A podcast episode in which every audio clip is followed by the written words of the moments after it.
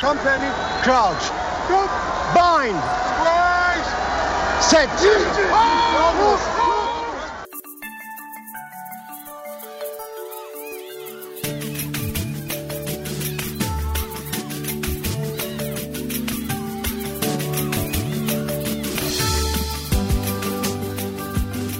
Die rugby wêreldbeker toernooi, waar het dit alles begin?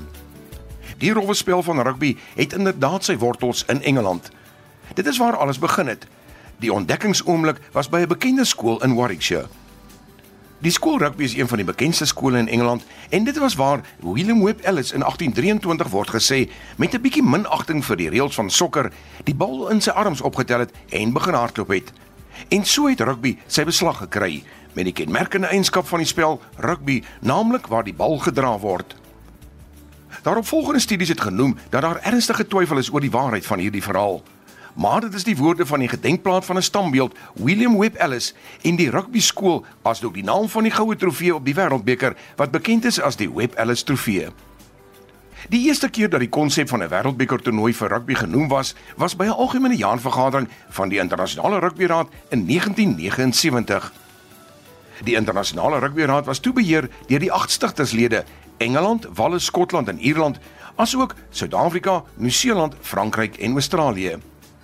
Die groepering het geglo aan die amateurstatus van die spel en hulle het gesê geld sal die spel diskrediteer.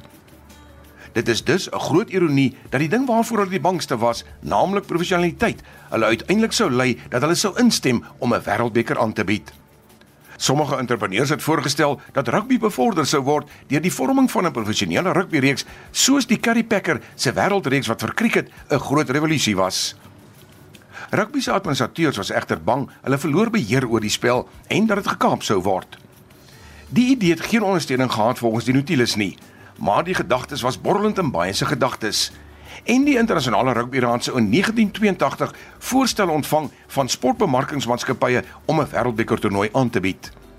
Lidlande het meer toeganklik geword en toe drie afsonderlike voorstelle uit Frankryk, Nieu-Seeland en Australië te tafel gelê word in 1984, het die raad ingestem om die moontlikheid te ondersoek vir 'n wêreldbeker.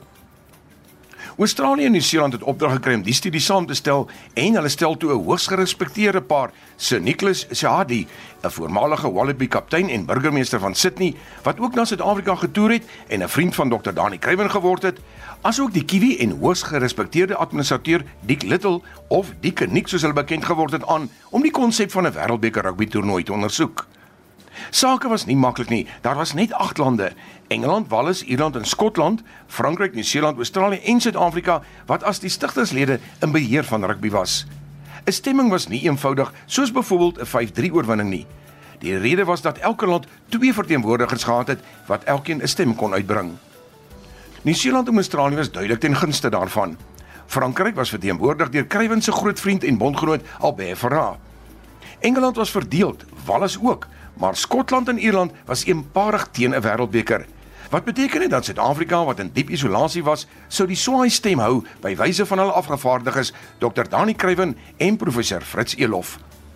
Dr. Kruiven het gehoop sy geliefde Springbokke se ook kan deelneem en het in gunste van die wêreldbeker gestem. Die vrees het egter bestaan dat indien die internasionale raad nie 'n wêreldbeker vestig nie, iemand anders dit gaan doen soos wat Gary Packer aan cricket gedoen het. So die dag aangebreek op 20 Maart 1985, 'n jaar kort van die internasionale rugbyraad se eeufees.